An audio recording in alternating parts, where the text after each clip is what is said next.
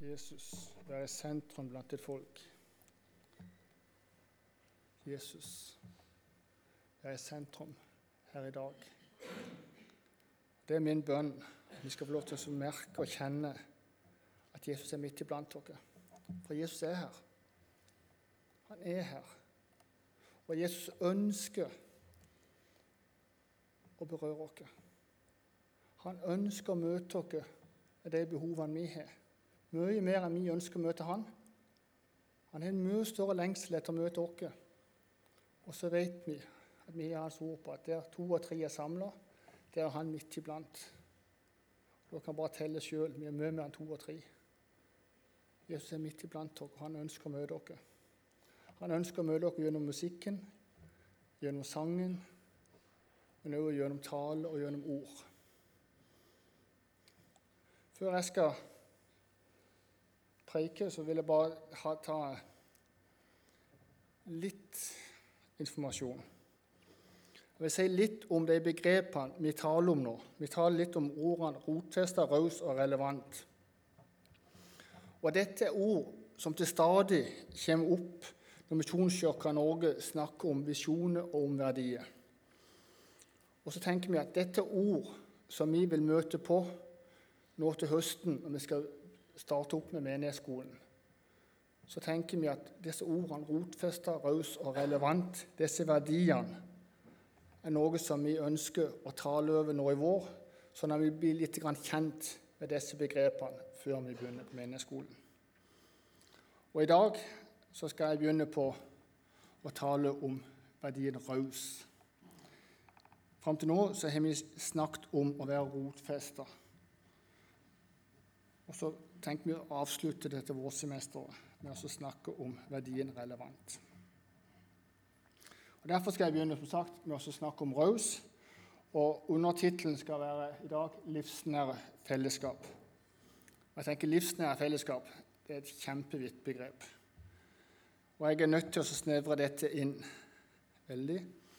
Og Da har jeg tenkt å snakke litt om fellesskapet mellom Jesus og Gud, altså mellom far og sønn, Faderen og Sønnen, så vil jeg si litt om fellesskapet mellom Jesus og menigheten. Og så tenker jeg at jeg vil si litt om fellesskapet menigheten imellom, eller oss imellom som mennesker. Og det første jeg tenkte jeg skulle si noe om Skal vi se om jeg får det her til å funke. Det er og Det som slår meg, det er at livsnære fellesskap det skapes i gode relasjoner. Og så tenker jeg at den ytterste og sterkeste relasjonen som vi kjenner til, det er Gud. Gud, han er treenig, og treenigheten i Gud tenker jeg er en relasjon. Og den treenigheten er Faderen, Sønnen og Den hellige ånd. Og så tenker jeg at Gud er kjærlighet. Og så tenker jeg at, som jeg sa til å begynne med, at han lengter etter fellesskap med oss mennesker. Altså, Gud lengter etter oss. Han lengter etter å få oss inn i en relasjon til seg sjøl. Og så tenker jeg at ok, Gud er kjærlighet. Og han ønsker folk inn i en relasjon med seg sjøl og til seg sjøl. Og så tenker jeg at ok, kjærlighet kan kun oppstå i relasjoner. Så kjærligheten til Gud kommer når vi har en relasjon til Gud, tenker jeg. Derfor tenker jeg dette er litt viktig. Og jeg tenker Målet vårt det må være å komme inn i en relasjon så tilnærma lik den Jesus hadde til sin far. Vi må komme inn i den relasjonen til Gud.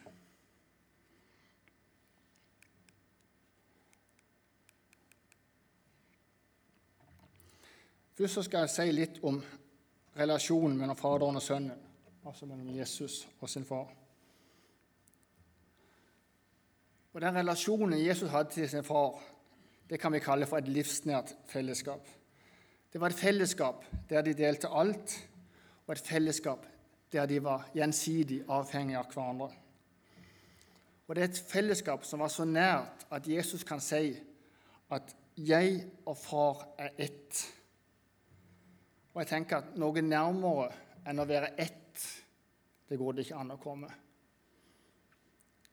Og Jesus sier jo til Philip Når Philip ber han om å vise dem Faderen, så er de nok.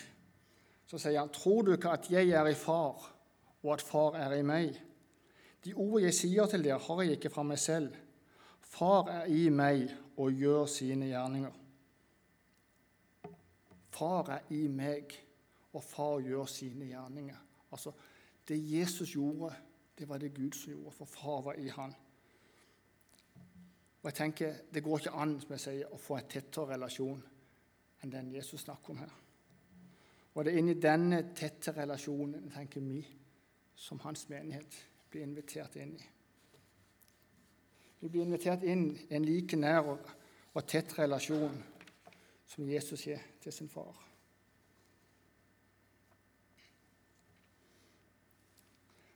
Skal vi se hva dette er nå. Det, var feil vei igjen. Ja, det var den jeg leste.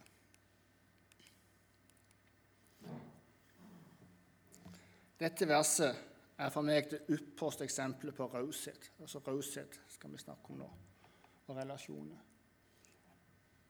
For så høyt har Gud elsket verden, altså oss sammen, meg og deg, at han ga sin sønn den enbårne, for at verden som tror på han, ikke går fortapt, men har evig liv.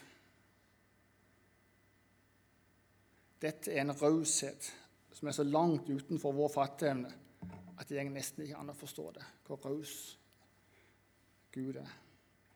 For så høyt har Gud elsket verden, at han ga sin sønn den enbårne, for at verden som tror på han ikke skal gå fortapt, men har evig liv. Altså Gud gir, han overgir sin sønn til et liv først og fremst i fornedrelse og i fattigdom. Hvem av oss ville gjort det? Gitt ifra oss barna våre til å leve et liv i ytterste fattigdom og nød. Og ikke bare det. Han overga sin sønn til å dø. Og ikke bare dø, men det mest smertefulle, det mest fornedrende og foraktelige måten som mennesket kjenner til, den måten måtte han dø på. Og dette måtte Jesus gjøre for at vi skulle komme inn i denne tette, nære relasjonen til Gud, til vår far. Så tenker jeg igjen Hvem av oss ville ha gjort dette med sine eget barn? Overgitt sitt eget barn til å bli ofra. Overgitt sitt eget barn til å dø på denne måten for andre sine forbrytelser. Det er nesten helt så det går ikke an å skjønne. Så tenker jeg OK, men hvem av oss her inne ville gjort det? Hvem av oss ville gjort som Jesus? Hvem ville ha ofra seg sjøl? Hvem ville ha tatt straffa for andre?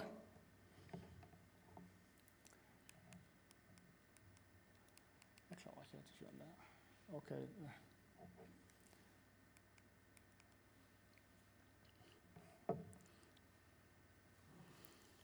Hvem ville ta straffa for andre? Og jeg tenker, hvem ville ta straffa for en arbeidskollega? For naboen sin? Jeg tenker, Det trenger ikke være en så voldsomt alvorlig ting. Det kan være at naboen er kjørt i fylla, og så er han blitt tatt for det. Og så eh, får han i straff. Og straffa vanligvis for å kjøre fylla det er en og halv månedslønn i bot. Så får du 21 dager som regel i fengsel. Så blir du gående to år uten det sertifikatet. Så etter de to årene så må du avlegge en ny kjøreprøve, kjøre på nytt, og så får du det, det sertifikatet. Det en, men det er nokså eh, vanlig forseelse å bli tatt for. Hvem av oss ville ha tatt den straffa for naboen vår? Nei, ingen. Jeg tenker at det at vi nok ville helst ha tenkt at det at ok, har fortjent å bli tatt. Og han er så dum å kjøre i følge. Han får som fortjent. Det er til pass for han. Denne straffa fortjener han, så den straffa får han pent ta sjøl. Jeg tenker dette er bare en liten forseelse. Tenk på vår egen synd. Tenk på din synd. Tenk på det du gjør galt i forhold til Gud. Det fortjener jo straff. Og den straffa har vi fortjent. Det er ikke tvil om det. For vi har sjøl begått den synda. Vi har sjøl gjort den feilen. Og vi fortjener straffa vi får. Og vi må ta henne sjøl. Vi bør fall gjøre det. Nå snakker jeg om synd, for den synden vi har gjort. Og hva er synd for noe? Jeg har hatt en preken her tidligere. Hva er synd for noe? For å si det enkelt synd er å synde. Å bryte budene. Lovbrudd er synd. Å bryte budene er synd. Og da kan vi tenke sjøl, og vet vi litt sjøl hvor vi står henne. Og så tenker jeg at det at vi er skyldige da, og vi må betale, vi må gjøre opp for oss. Men hvordan skal vi klare det? Hva skal vi betale med? Altså, Hva kan vi komme til Gud med så vi kan betale for dette?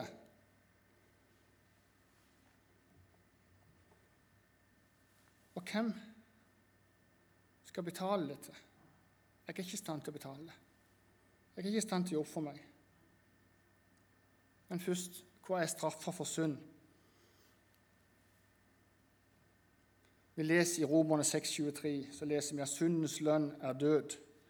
Med andre ord så er straffa for synd død. Noe må dø for å betale for den synda vi har gjort. Ok, så skal jeg klare å oppføre min synd. Så tenker jeg da må jeg dø. Da må jeg ofre meg. Så alvorlig tenker Gud ser på synda, at noe må dø. Og Gud, han som er så hellig, han er tre ganger hellig, han er fullkommen ren, og han tåler ikke synd. Derfor er det ikke sjans til å komme fram for han. Det er ikke sjans til å komme fram og betale for det jeg har gjort. Derfor måtte noen andre gå inn i mitt sted og gjøre dette for meg. Noen som var verdig til å gjøre det noen som var ren sjøl, noen som var uten synd sjøl.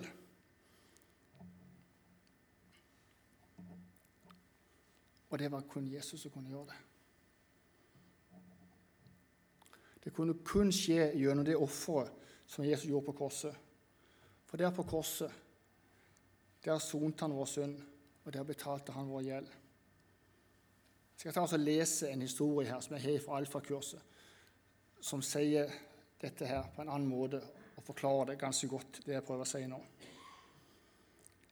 Jeg skal ta og lese. To mennesker gikk på skole og universitet sammen og utviklet et nært vennskap. Livet gikk videre, og de gikk hver til sin kant og mistet kontakten. En arbeidet, arbeidet, arbeidet seg oppover og ble dommer. Den andre endte som forbryter. En dag ble forbryteren stilt framfor dommeren. Dommeren kjente igjen sin gamle venn og sto overfor et dilemma. Han var dommer og måtte dømme rettferdig. Han kunne ikke la mannen slippe unna. På den annen side så ønsket han ikke å straffe mannen. Han var glad i han. Derfor sa han til sin venn at han ville ilegge han en bot for forbrytelsen han hadde begått. Dette var en rettferdig dom og en bot som sto i stil til forbrytelsen. Så gikk han ned fra dommersetet og skrev ut en sjekk på samme sum som boten. Den ga han til vennen sin og sa at han ville betale straffen for han.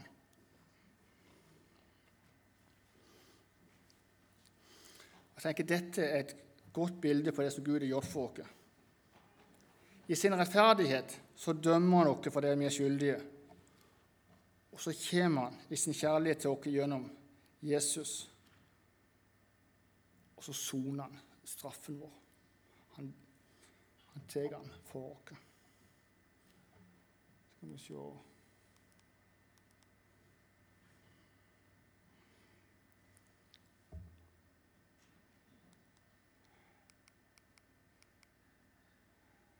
Hvis vi har noe som eh, eh, mangler her.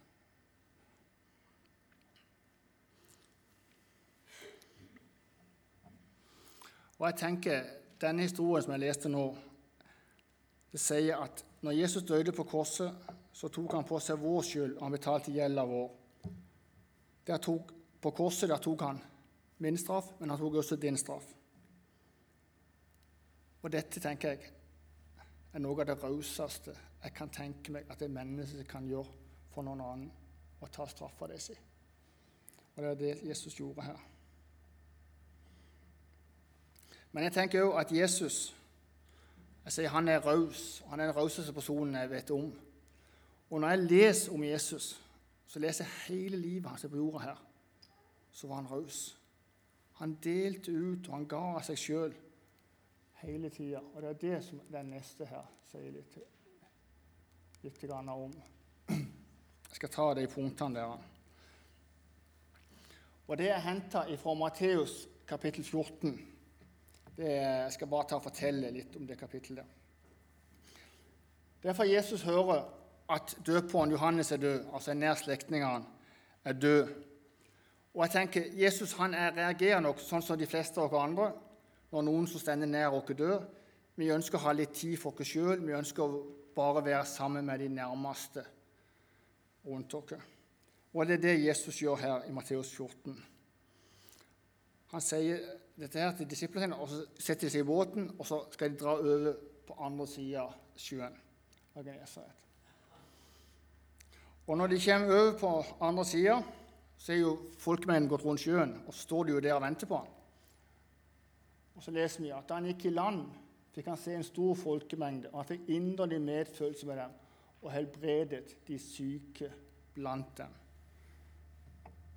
Her tenker jeg han fikk inderlig medynk, står den gamle, med dem. Altså, dette er Jesus. Dette er Jesu raushet. Når han er her som han er, han ønsker å være alene, han ønsker å komme seg vekk fra disse folkemengdene og ha litt tid for seg sjøl og sammen med sine nærmeste, så ser han folket. Så setter han seg sjøl til side. Og så får han medfølelse med dem, og så begynner han å helbrede de syke blant dem.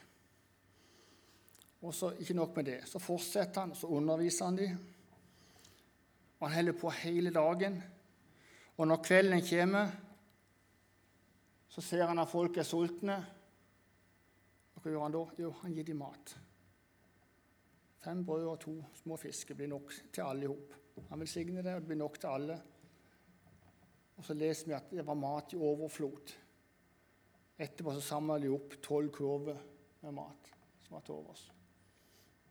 Så er det blitt mørkt, og det blir seint. Så sender han disiplene sine tilbake igjen opp i båten. Så gjerne kan dere gå tilbake igjen, og så vil jeg ha litt tid sammen med far.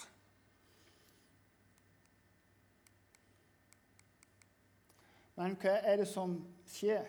Jo, vi leser at det blåser opp til storm. Og når Jesus skal ha denne tida sammen med far, så tenker han på disiplene sine der ute. Og så setter han seg sjøl til side igjen. Og så går han ut til disiplene som er der ute på sjøen og er redd. Så kommer han, og så trøster han dem, og så setter han nytt mot i dem. Der leser vi også om Peter, at han går ut av båten sammen. På ditt ord, sier han. Så vil jeg gå. Så gikk han ut av båten, og vi leser at Peter går på vannet. Og jeg tenker at her lærer Peter og disiplene i lekse som de seint vil glemme. De lærer noe om hva tro er.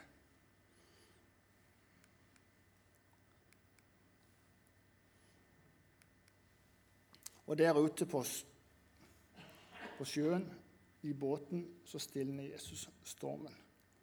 Poenget mitt er også å fortelle at ja, For først vil jeg si at dette sier mye om Jesus. Matteus 14 er antageligvis én dag i Jesu liv. Da gjør han alt dette. Og Dette sier mye om tenker jeg, hvor raus Jesus er. Altså Han setter seg sjøl til side, og så setter han de andre først. Og så møter han folkets behov før sine egne. Han helbreder de syke, han underviser dem, han gir dem mat. Han trøster, han oppmuntrer, og han setter mot i dem.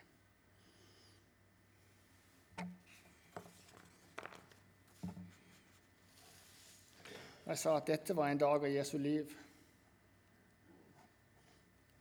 Og jeg sa at dette viser litt om hvor raus Jesus er. Han gjør mer enn dette. Han deler ut av seg sjøl.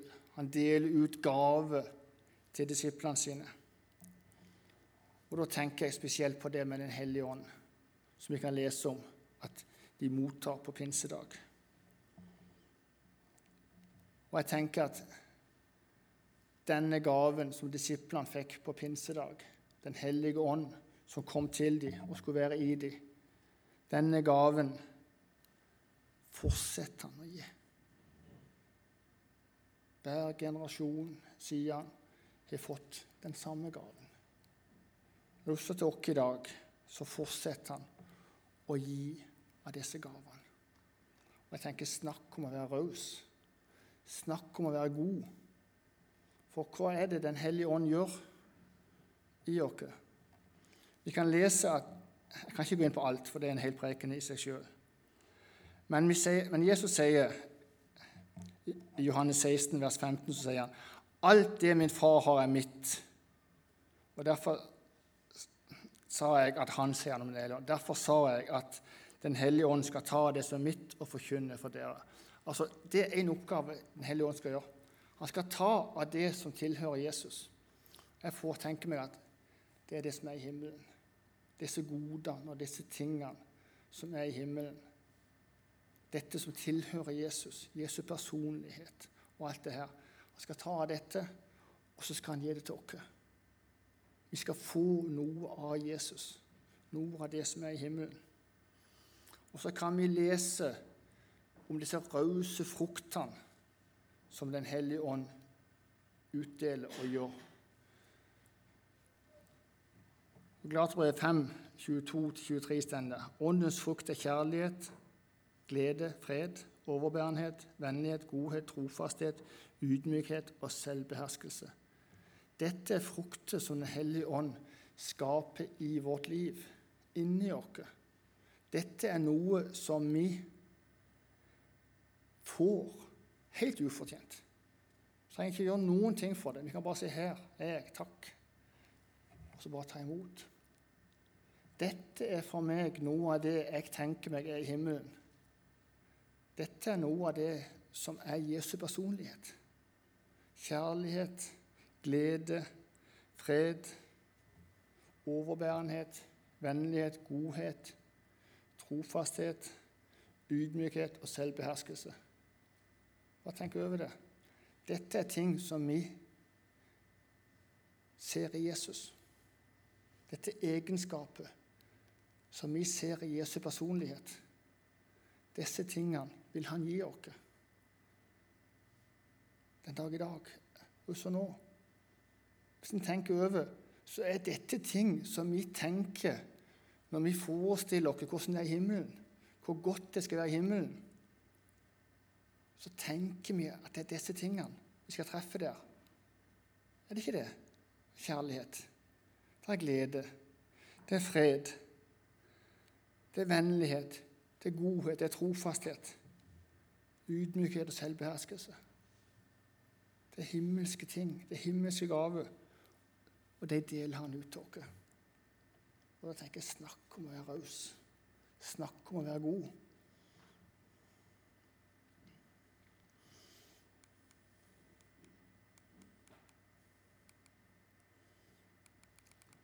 Ja, Det var den jeg forsto til stad.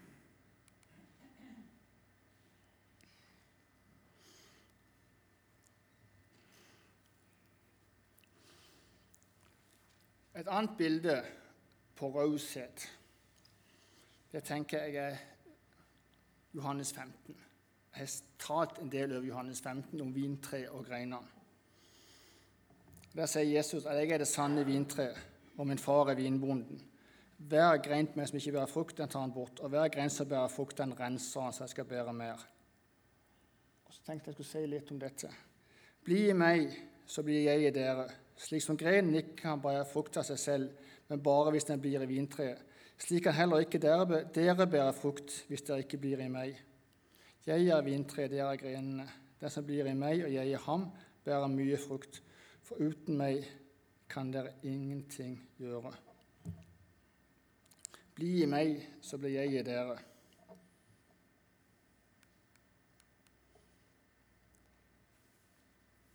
Den så blir han meg, og jeg i ham, bærer mye frukt. Her ser dere igjen den relasjonen som Jesus hadde til far. Vet dere ikke, sier han, at jeg er far og far er meg? Vet dere ikke at jeg og far er ett? Altså Nærmere relasjon enn det tror jeg ikke det går an å komme i. Og jeg tenker Det er den samme relasjonen som Jesus her inviterer oss inn i. Ja, når han sier at det er den som blir i meg og jeg i ham, bærer mye frukt. Bli i meg, så blir jeg i dere, i dere. Det går ikke an å komme nærmere enn å bli i Han. Det går ikke an å få Han nærmere enn at Han blir i oss. Det er denne relasjonen, tenker jeg, at Han inviterer oss inn i.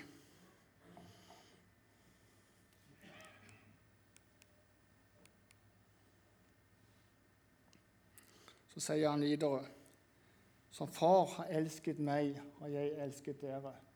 Bli i min kjærlighet. Altså Dette er det samme som jeg sa, dette bildet. Som far elsker meg, så elsker jeg dere. Altså Som pappa elsker meg, sier han, så elsker jeg dere. Det er samme kjærligheten til dere. Bli i min kjærlighet. Det er en utropstegn, det er en utfordring til oss. Og det er der vi har et valg, tenker jeg. Vi kan sjøl velge her om vi ønsker å stå i dette eller sette oss på utsida.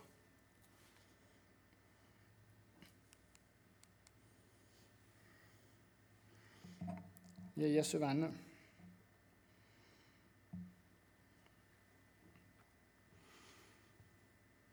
Jeg skal ta oss og lese fra vers 9. Så Far har elsket meg, har jeg elsket dere. Bli i min kjærlighet.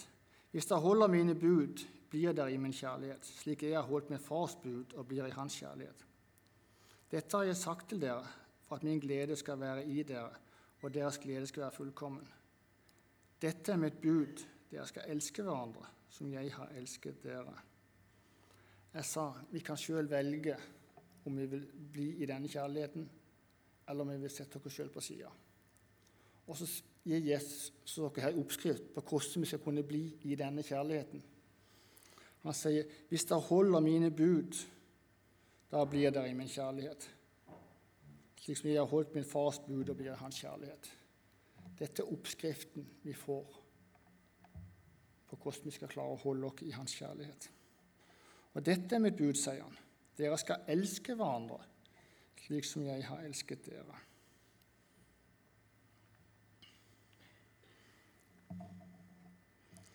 Vers 13. Ingen har større kjærlighet enn den som gir sitt liv for sine venner. Altså, vi er Jesu venner. Vers 14. Dere er mine venner hvis dere gjør det jeg befaler dere. Jeg kaller dere ikke lenger tjenere, for tjeneren vet ikke hva Herren hans gjør.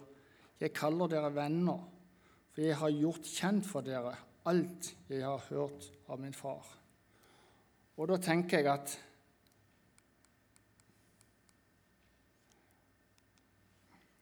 Vennskap er ofte et livsnært fellesskap.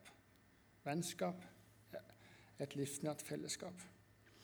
Og det er dette vennskapet som Jesus her snakker om, tenker jeg, er et fellesskap som han ønsker å ha med oss som venner. Men det er et litt spesielt vennskap, tenker jeg. Altså Jesus snakker her om et vennskap som konge hadde på denne tida, med enkelt av sine undersåtte.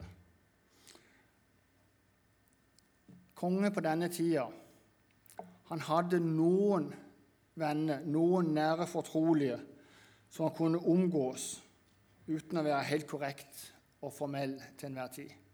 Han hadde noen venner der han kunne drøfte og snakke om litt sånn lyst om strategi og planer og tanker han hadde, der han kunne være fri. Dette var mennesket som han stolte på. Dette var mennesket som han kunne spille litt med, kaste ball med, på seg, drøfte med og komme med ideer og tanker og, og få tilbake meninger som var ærlige. Og jeg tenker Jesus kaller oss venner. Men ikke nok med det. Han sier at vi er jo hans sine medarvinger. Han som var enebarn, han vil dele arven sin med oss. Han som var enebarn, han var også enearving til disse rikdommene og til det som var i himmelen. Disse ønsker han å dele med oss. Jeg sa han gjør det litt gjennom at vi får disse gavene nå. Vi får utlært litt forskudd på arven gjennom Den hellige ånd. Men det er så mye, mye, mye, mye, mye mer i vente der hjemme. Dette vil han dele med oss.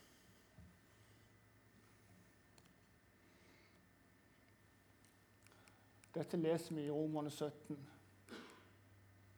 Ja. Det var ikke det. Romerne 17. 8-17 med det. Der leser vi Men er vi barn, er vi også arvinger. Vi er Guds arvinger, Kristi medarvinger, så sant vi lider med Han. Så sant vi lider med Han, skal vi også få del i herligheten sammen med Han. Men er vi barn, der er vi også arvinger. Vi er Guds arvinger, Kristi medarvinger. Altså vi er Kristi medarvinger. Vi skal arve på linje med Han. Og jeg tenker det er raust. Det er å være inkluderende. Er det noe jeg gjør med de lysene? Nei. Det tenker jeg er å være, være raust, være raus og dele arven sin med andre.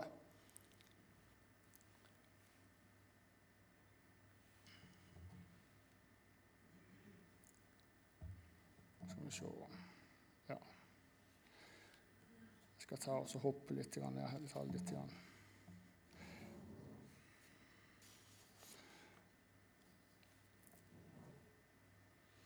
Jeg snakket om vintreet og greinene.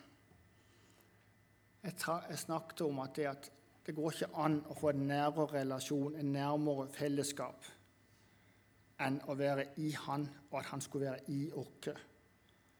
Den relasjonen Det går ikke an å bli nærmere, tenker jeg. Og når Jesus da sier at som far har elska meg, så har jeg elska dere. Bli i min kjærlighet. Og så snakker jeg om at, at han har gitt oss en oppskrift på hvordan vi skal bli i hans kjærlighet. Jo, vi skal holde hans bud. Og så sier han at hans bud er at vi skal elske hverandre. Og på den måten så blir vi i hans kjærlighet og i denne relasjonen til han på linje med den han hadde med far, tenker jeg. Nå skal vi se om vi klarer oss å få fram det siste bildet jeg hadde. Dette var det du leste, ikke det? Skulle nesten tro at du hadde avtalt med meg, men det hadde du altså ikke.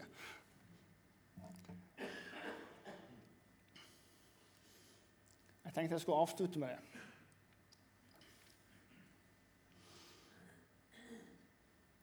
Dette var noe Jesus sa til disiplene sine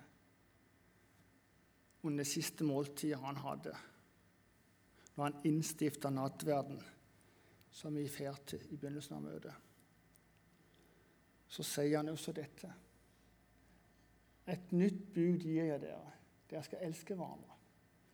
Som jeg har elsket dere, skal dere elske hverandre. Så jeg kan godt si at dette var Jesus' siste vilje. Eller vi kan si dette var noe han påla disiplene sine. Vi kan si dette er noe han pålegger oss.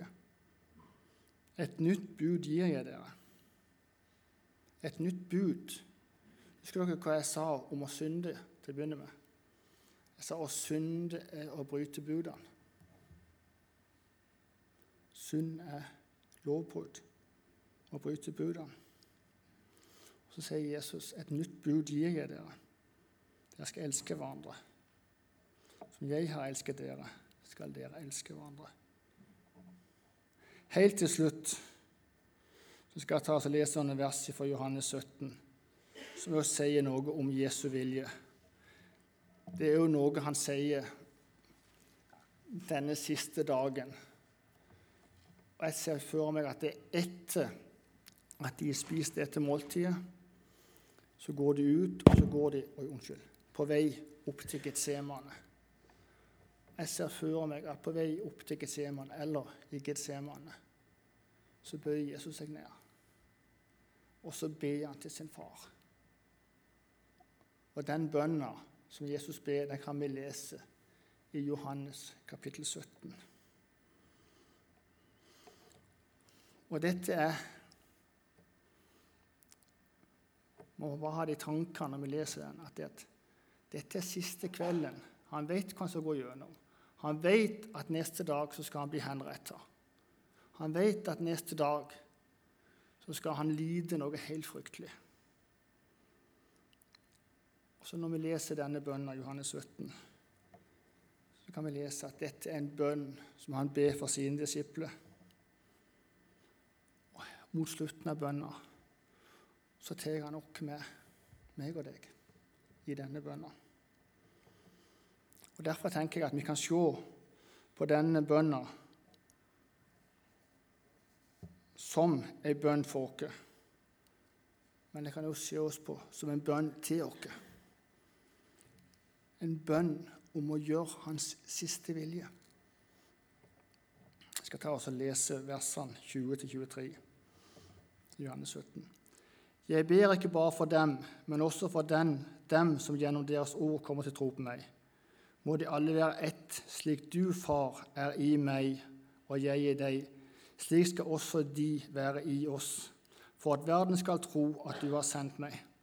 Den herlighet du har gitt meg, har jeg gitt dem, for at de skal være ett, slik vi er ett. Jeg i dem og du i meg, så de helt og fullt kan være ett. Da skal verden skjønne at du har sendt meg og at du elsker dem slik du har elsket meg. Amen.